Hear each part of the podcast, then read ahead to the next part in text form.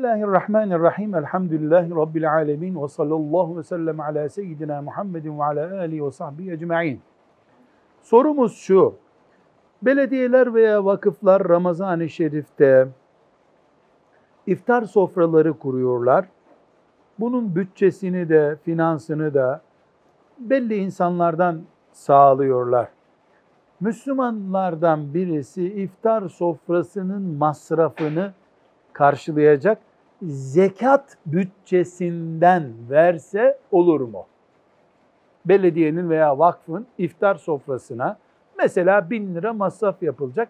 O da bin lira zekat verecekti. Bunu veriyor ve Müslümanlar oturup iftar ediyorlar. Olur mu? Cevap.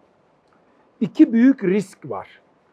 Birincisi Müslüman bir insanın zekatının sadece fakire gitmesi lazım. Halbuki iftar sofrasına oturanlardan fakir kimlik belgesi istenmiyor.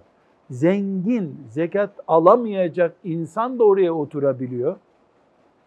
Dolayısıyla herkesin oturabildiği bir sofraya verilen zekat parası yüzde elli de olsa boşa gitmiş olur. İki, bu birinci sorundu. İki, zekatın bir insanın avucuna konması gerekiyor. Yani fıkıh ifadesiyle temlik gerekiyor. Yüzde yüz senindir bu denecek. O da onu cebine koyacak, benimdir bu diyecek, gidecek. Ya bu para olarak böyle olacak ya da anında paraya dönüştürülen bir şey olacak. Mesela e, kutusunda bir ayakkabı zekat olarak verilebilir. Neden?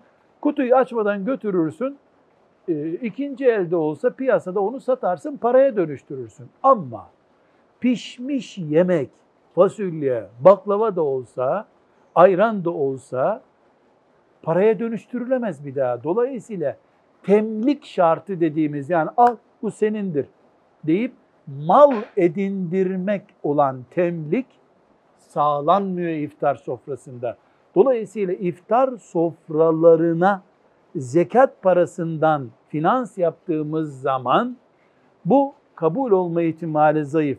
Şuradan buradan fetvalar toplayarak bir cevap olur şeklinde çıkabilir ama fıkıhta bunu bir yere oturtmak çok zor. Velhamdülillahi Rabbil Alemin.